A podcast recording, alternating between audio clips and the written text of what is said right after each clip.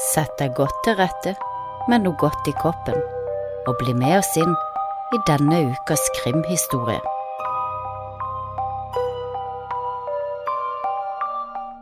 Mark Andrew Twitchell ble født 5. juli 1974 i Canada.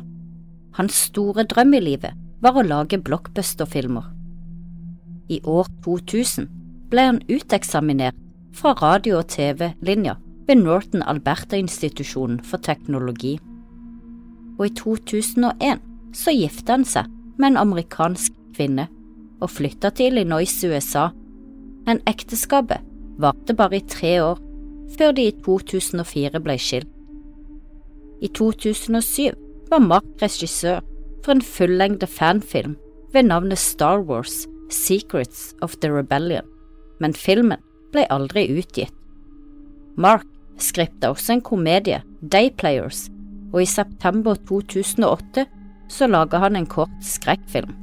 Den fikk navnet House of Cards. Filmen ble spilt inn i en garasje som Mark hadde leid i Edmonton. I oktober 2008 er Mark aktiv på en datingside som heter Plenty of Fish. Her utgir han seg for å være en kvinne. Samtidig er 38 år gamle John Brian Altinger, kalt Johnny blant venner, også aktiv på datingsida og kommer i prat med det han tror er en kvinne. 10. oktober 2008 så informerer Johnny sine venner om at han har planer om å møte ei kvinne som han har prata med online. Da Johnny kommer til møteplassen, så oppdager han for seint at kvinnen han trodde han skulle møte, egentlig er en mann, Mark Twitchell. Og før Johnny rekker å forstå hva som skjer, så er han fanga i Mark sitt mordrom. Samme rommet som Mark har satt opp i garasjen hvor han nettopp var ferdig med å spille inn kortskrekkfilmen. Mark slo Johnny hardt i hodet før han knivstakk han flere ganger. Deretter parterte han Johnny, forsøkte å brenne deler av kroppen hans, før han kasta likdelene i søppelposer og kvitta seg med de ved å kaste de ned i kloakken.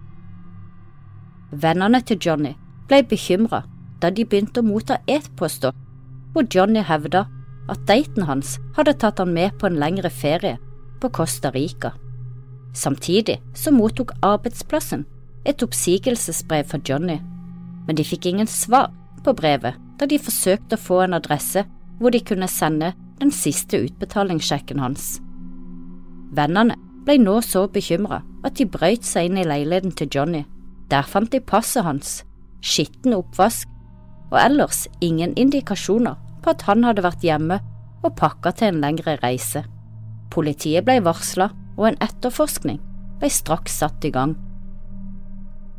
Mark, som i utgangspunktet ikke var under noen mistanke, før Mark selv ga politiet en usannsynlig historie om hvordan han hadde møtt Johnny før han reiste til Costa Rica, og at Johnny hadde solgt masteren sin til Mark. Hele historien gjorde politiet mistenksom, så de fikk gjennomført en ransaking av Marks bil og laptop. I Marks bil fant politiet Johnny sitt blod. 31. oktober 2008 ble Mark arrestert for drapet på Johnny, og i april 2011 ble han dømt til livstid for drapet, med ei minstetid på 25 år før han kan søke om prøveløslatelse. Politiets hovedbevis i saken mot Mark var et dokument de hadde funnet på Mark sin laptop. Den hadde navnet SK Confessions. Det var en forkortelse for Serial Killer Confessions. Mark hadde sletta dokumentet, men politiet hadde klart å hente det opp igjen, og dokumentet begynte med følgende setning. Denne historien er basert på en virkelig hendelse. Navn og sted er endra for å beskytte den skyldige. Dette er historien om min vei til å bli en seriemorder.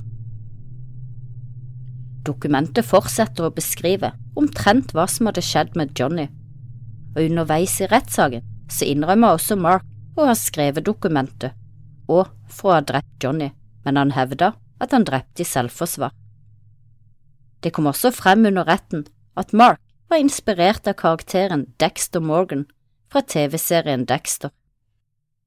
Et annet dokument som politiet også fant på Mark sin laptop, men som ikke ble ført som bevis i retten, og som juryen dermed aldri fikk lese, var Mark Twitchell sitt dokument, en profil av en psykopat. Dette skrev han mens han ennå var gift, i årene 2001 til 2004. En profil skrev om seg selv, og nå skal du få høre hva Mark skrev i sin profil av en psykopat. Dette er ingen klinisk diagnose, et informasjonshefte eller en saksstudie. Dette er en måte for meg å få ut på papiret nøyaktig hva jeg tror jeg er, slik at jeg kan evaluere det og forstå det best mulig. Jeg har så mange forskjellige navn at jeg lar navnelappene utebli. Jeg er enkelt og greit meg selv. Jeg er veldig forskjellig fra de fleste andre mennesker. Jeg antar at jeg alltid har vært annerledes, i hvert fall så lenge jeg kan huske, men det er først nå i det siste at jeg virkelig har forstått dybden av det. Det var først da et familiemedlem hadde en utilsikta intervensjon mot meg, at jeg våkna opp til sannheten, sannheten om at jeg er en psykopat. Jeg oppfyller ikke hvert eneste punkt på DSM sin liste for klassifisering av diagnosen, men det er helt klart mer likheter med en psykopat enn en ikke-psykopat, og for å spare tid vil jeg liste opp de symptomene som jeg ikke har. Jeg forsøker ikke å svindle eller jakte på familiemedlemmer og venner. Jeg er ikke en blodsuger som sjarmerer de for penger, for så å ikke betale tilbake. Jeg fungerer faktisk veldig godt og har også klart å utvikle og produsere en film. Den vil gjøre meg økonomisk uavhengig. Og som barn så verken plaga eller skada jeg dyr. Jeg så aldri noe poeng i å skade dyr, på samme måte som jeg ikke så noe poeng i å begynne å røyke, bruke dop eller bli sugd inn i kriminelle retninger. Nå går vi videre til den detaljerte beskrivelsen om hvordan jeg passer inn i psykopatprofilen. For eksempel så er jeg en patologisk løgner. Hele livet har jeg løyet, og det har blitt en vane. Dette på tross at jeg kommer fra en veltilpassa og frisk familie med god oppvekst. Jeg klarte aldri å slutte å lyve. Jeg har alltid bedt om unnskyldning for løgnene, men jeg har aldri ment det, og jeg gjorde aldri noe for å endre på det. Jeg lyver til min kone, og jeg lyver til familien nesten daglig. Noen ganger gjør jeg det for å beskytte dem, for å verne dem fra sannheten om hvem jeg egentlig er, og noen ganger lyver jeg uten noen annen grunn enn egen tilfredsstillelse. En gang, for eksempel, så lurte jeg en lånehai og deres utlåner til å gi meg et lån jeg ellers aldri ville fått. Som mange andre psykopater har jeg problemer med å holde på en jobb fordi jeg kjeder meg så fort. Jeg sløser bort firmaets tid og ressurser, og det ender som regel med at jeg sier opp jobben eller at jeg får sparken innen det har gått fire måneder. For min egen del så gjør jeg det fordi jeg ikke takler å jobbe for noen andre enn meg selv, uten at det føles som en lidelse. Jeg vet hva jeg elsker, og jeg vet hva jeg ønsker å gjøre, og jeg lar ikke noe distrahere meg fra målet, jeg selger ikke behovet for en fast inntekt. Dette skjedde da jeg jobba som selger. Da slutta jeg før jeg fikk utbytte og bonusutbetalinger, hovedsakelig fordi jeg trodde at min karriere som filmprodusent ville ta seg opp før jeg ville merke noe økonomisk. Jeg hadde et prosjekt underveis som har enormt potensial, og er akkurat nå i prosessen med å sikre sponsing, men hvis dette ikke hadde gått veien, så hadde jeg vært i seriøse problemer akkurat nå. Jeg lyver ennå til min kone, ja, selv i dag lyver jeg for henne. Hver dag står jeg opp, tar på meg jobbdressen, forteller henne om dagens avtaler, før jeg forlater huset. Så setter jeg meg på en kafé og jobber med filmer som jeg ønsker å produsere. Så går jeg hjem, lyver om hvordan møtene jeg ikke var på gikk, før vi nyter resten av dagen. Problemet var at jeg trengte en jobb for å kunne få innvilga et huslån. Jeg måtte beholde jobben for å vise at jeg var stabil og pålitelig. Kona mi hata den siste plassen vi bodde, og hun kunne ikke komme seg fort nok ut. Hun hata varmen, lukta, nabolaget, ja, alt samme, og hun gjorde det veldig klart at vi trengte et skikkelig hus. og hvis vi ikke gjorde det, så ville det antageligvis føre til skilsmisse. Så jeg gjorde det jeg måtte for å lure lånehaien. Jeg fant opp en ny person ved navn Jim McDougall, som jeg presenterte som HR-sjef på arbeidsplassen min. Så skaffa jeg meg en forhåndsbetalt mobiltelefon og laga en falsk telefonsvarer som Jim. Jeg gjorde om stemmen min sånn at det hørtes ut som en gammel, vennlig mann, og han var overbevisende nok til å lure de. Jeg snakka til og med direkte med lånehaien mens han fikk bekrefta detaljer om min ansettelse for Jim, informasjon som var reinspikka løgn. Deretter photoshoppa jeg et bankdokument, laga et falskt brev med informasjon om inntekt, og like etter så fikk jeg lånet godkjent. I dag betaler jeg regningene mine med pengene investorer har gitt meg for å produsere filmen min. Det er virkelig godt at det ser ut til å gå fremover med filmen. Hvis ikke hadde jeg slitt veldig nå. I langhelgen på Labor Day så planla jeg en reise til USA for å kjøpe rekvisitter fra en dealer i Montana til en kortfilm som jeg har skrevet, og som jeg holder på å produsere. Jeg løy til kona mi og sa at jeg skulle spille inn en musikkvideo for et lokalt band, men jeg ble nekta å komme over grensa til USA siden jeg ikke hadde en aktiv arbeidstillatelse. Til grensevaktene fortalte jeg den samme historien som jeg sa til kona mi, men jeg hadde jo ingen aktiv arbeidstillatelse. Så jeg kjørte tilbake til Calgary og ordna meg et hotellrom for to netter, og begge dagene så ringte jeg hjem til kona mi og fortalte hvordan det gikk med musikkvideoen som hun trodde jeg holdt på å lage. Jeg kunne enkelt ha fortalt henne sannheten uten at det ville blitt noe bråk, men jeg følte for å slappe av litt, så da ble jeg i Calgary. Hele livet har jeg alltid bare gjort hva faen jeg vil, uten å tenke på eller bry meg om andre, og det har aldri plaga meg. Jeg kjenner aldri på følelser som anger og skyld. Det hender at jeg banker meg sjøl mentalt over å ha gjort noe dumt eller tatt en dum beslutning, men det er ikke helt det samme. Selv om min kone uten tvil er den mest fantastiske kvinnen jeg noen gang har kjent, en fantastisk mor til våre barn og den beste partneren noen kan be om, så er jeg fremdeles utro mot henne, utelukkende på grunn av spenninga, ikke fordi jeg føler meg neglisjert eller berettiget. Jeg surfer på datingsider regelmessig, og en gang så tok hun meg på fersken mens jeg satt innlogga på ei nettside spesielt laga for utro ektefeller. Umiddelbart begynte jeg å fortelle henne en løgn om hvordan jeg hadde registrert meg som frilanser, og nå ønska noen at jeg skulle skrive en artikkel om online-dating, og at jeg bare holdt på med research i den forbindelse. Jeg fortalte henne at jeg hadde solgt meg selv inn til sjefen på artikkelen ved å være original, og jeg foreslår at jeg kunne registrere meg på slike sider med falsk profil for å få mest og best mulig informasjon direkte fra nettsida. I starten var hun svært mistenksom. Min kone er tross alt ingen idiot, hun er svært intelligent, og det krevde mye for å overbevise henne om at løgnene mine var sanne. Jeg måtte faktisk lage en falsk e-postkonto for Phil Porter som jeg hadde diktet opp som sjefen for et online publiseringssted og jeg sendte e-post til meg selv som Phil. Jeg overtalte til og med en skuespiller til å spille Phil Porter i en telefonsamtale med meg mens min kone var til stede. Skuespilleren trodde han prøvespilte for en rolle. Så kjøpte jeg nok en forhåndsbetalt mobiltelefon og fikk skuespilleren til å spille inn en telefonsvarer som Phil Porter, så hvis min kone ringte til Phil for å sjekke, så ville hun kjenne igjen Phil sin stemme. Naturligvis så ble hun veldig usikker på meg etter å ha sett den nettsida, så vår fysiske nærhet er på et minimum akkurat nå.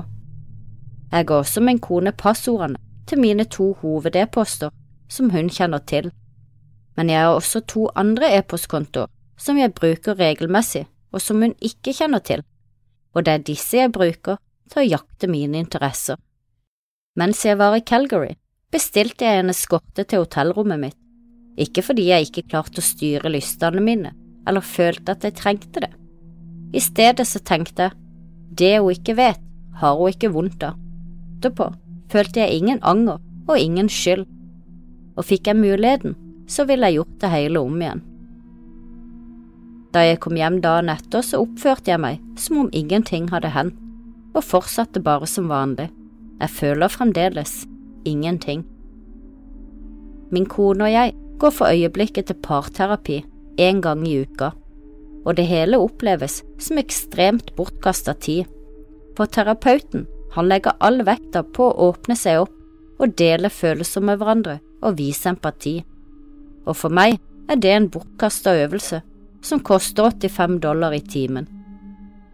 Jeg føler at jeg må feike hele tida, jeg får hele tida spørsmål fra terapeuten om min kone, og jeg svarer det jeg vet de vil høre, slik at de tror at vi gjør fremgang. Men hvordan gjør man egentlig fremgang i å endre en atferd som er medfødt? Hvordan kan du endre noe du gjør gjennom å oppdage følelser når du ikke har noen? Jeg hadde en samtale med min kone en kveld hvor vi faktisk utforska min mangel på empati.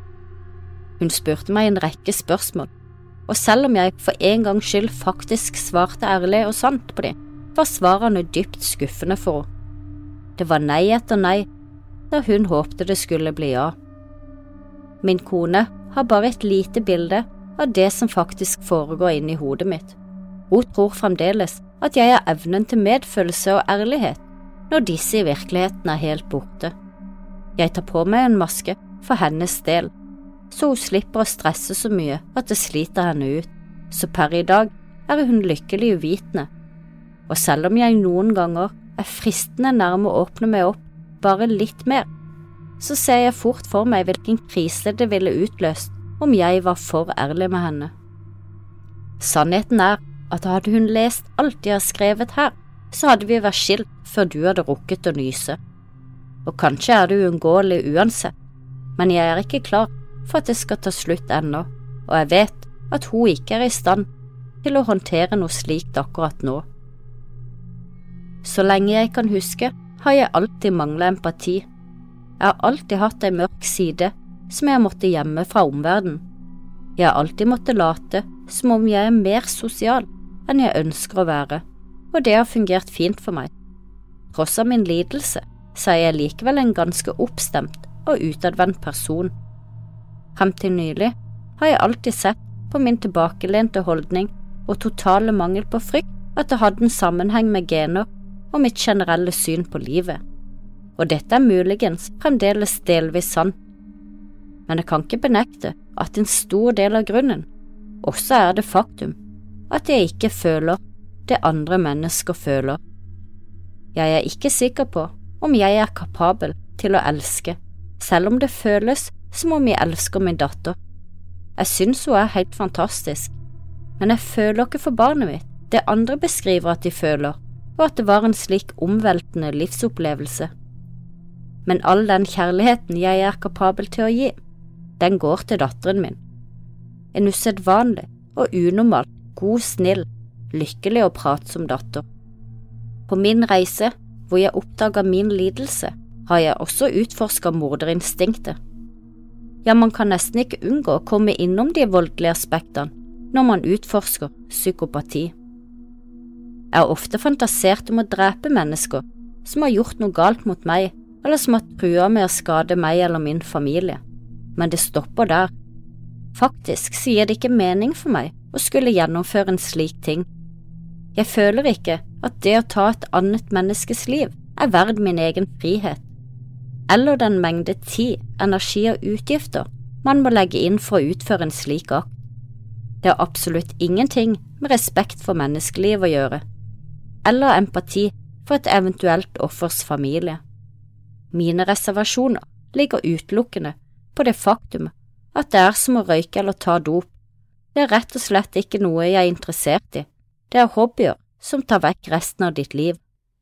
Jeg baker inn min mørke side i mitt arbeid, jeg tar inspirasjon fra eksisterende arbeid, slik som TV-serien Dexter, og blander det med frø fra mine egne opplevelser, og styrer min mørke energi inn i mitt filmarbeid.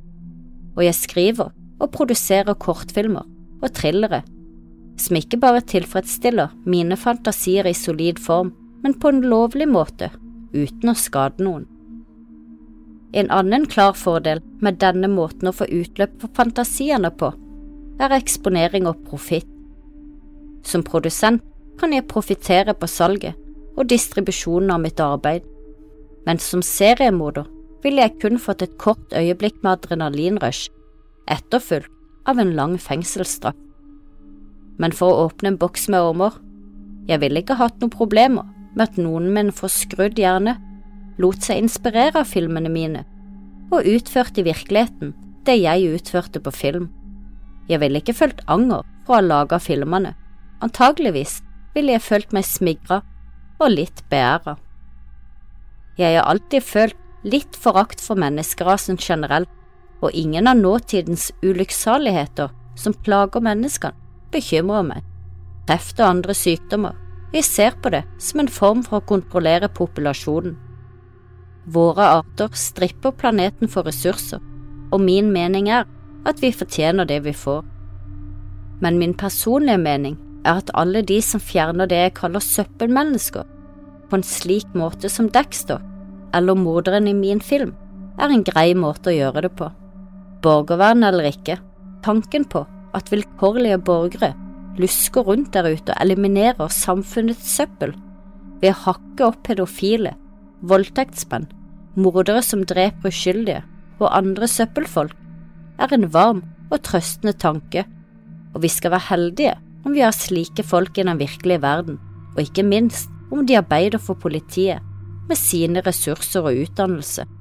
Slik jeg ser det, så gjør de noe som er mye mer produktivt og effektivt enn slakteren gjør. Kuer og sauer ble avla fram, og siden slakta, utelukkende med den hensikt å fø på en allerede overbefolka populasjon, men det er fremdeles dreping. Det er ingen forskjell på et dyre- og et menneskeliv, vi føler alle smerte, og noen dyr som vi dreper vilkårlig, er faktisk ganske intelligente, og ingen av de har en ond vilje eller skumle baktanker. Så vi kutter opp en stakkars gris eller et rådyr uten å tenke oss om et eneste sekund bare for å legge de på kjøkkenbenken til eget velbehag. Men hvis noen gjør akkurat det samme mot et ondt søppelmenneske, som har gjort og stadig gjør stor skade på andre, ja, da blir de fengsla for resten av livet. Det virker som om noen vilkårlige mennesker definerte lover om rettferdighet som beleilig nok utelukker visse naturlover. Når det kommer til hvordan jeg generelt ser på mennesker, så er den ganske annerledes. Jeg har veldig lite tålmodighet og toleranse for barn som ikke er mine, spesielt når de oppfører seg etter alderen. Men når en av de viser en slags innsikt eller modenhet langt over deres år, ja, da blir jeg ekstremt imponert og oppspilt. Jeg føler også at kvinner generelt sett er langt undervurdert og underrespektert i vårt samfunn. Av natur så er de ekstremt intuitive, intelligente og snille, men de blir ofte tatt for gitt og blir generelt oppdratt til å akseptere at de er mindre viktige enn menn. Det finnes selvsagt unntak, men jevnt over så tror jeg nok at jeg setter pris på dem på en måte de fleste andre mennesker ikke gjør eller tenker over. I dag lever jeg livet ganske likt som jeg alltid har gjort. Jeg jakter på det jeg ønsker meg, uansett hva det måtte koste, uten å sette noen andre foran meg selv. Livet er altfor kort til å ikke delta i hver eneste opplevelse du kan, før du må kaste inn håndkle, og jeg ønsker å oppleve alt. Vi får bare én sjanse, og derfor har jeg alltid levd uten hemninger. Jeg jakter min filmkarriere med full styrke og hensynsløs atferd, for tanken på å forsvinne inn i en drittjobb resten av livet, ja, det er ikke engang å foretrekke fremfor selvmord. Jeg ønsker ikke å gå glipp av noe, ikke en eneste menneskelig opplevelse skal være uprøvd før jeg forsvinner for evig, og dette virker å være drivkraften i hvordan jeg lever livet. Å forstå den virkelige dybden i hvordan jeg opererer, er viktig for meg, sånn at jeg kan avgjøre hvordan resten av mitt liv skal utspille seg. I dette øyeblikket er det mange konflikter rundt dette temaet.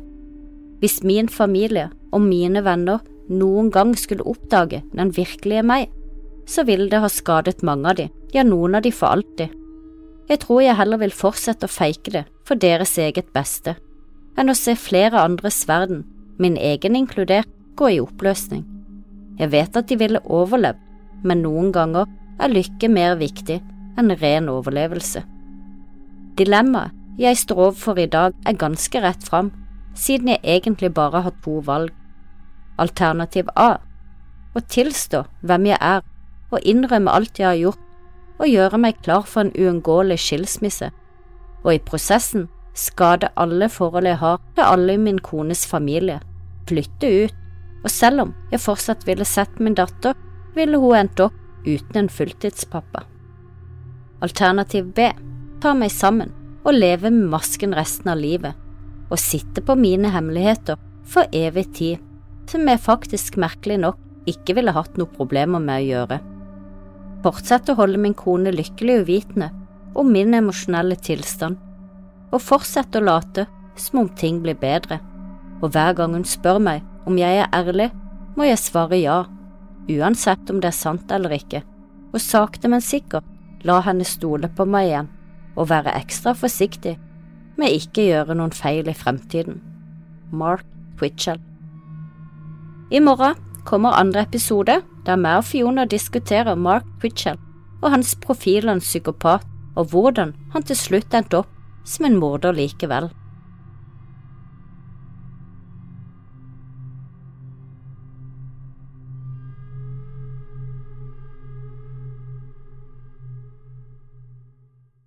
Har du et enkeltpersonforetak eller en liten bedrift? Da er du sikkert lei av å høre meg snakke om hvor enkelt det er med kvitteringer og bilag i fiken, så vi eh, gir oss her, vi. Fordi vi liker enkelt. Fiken superenkelt regnskap.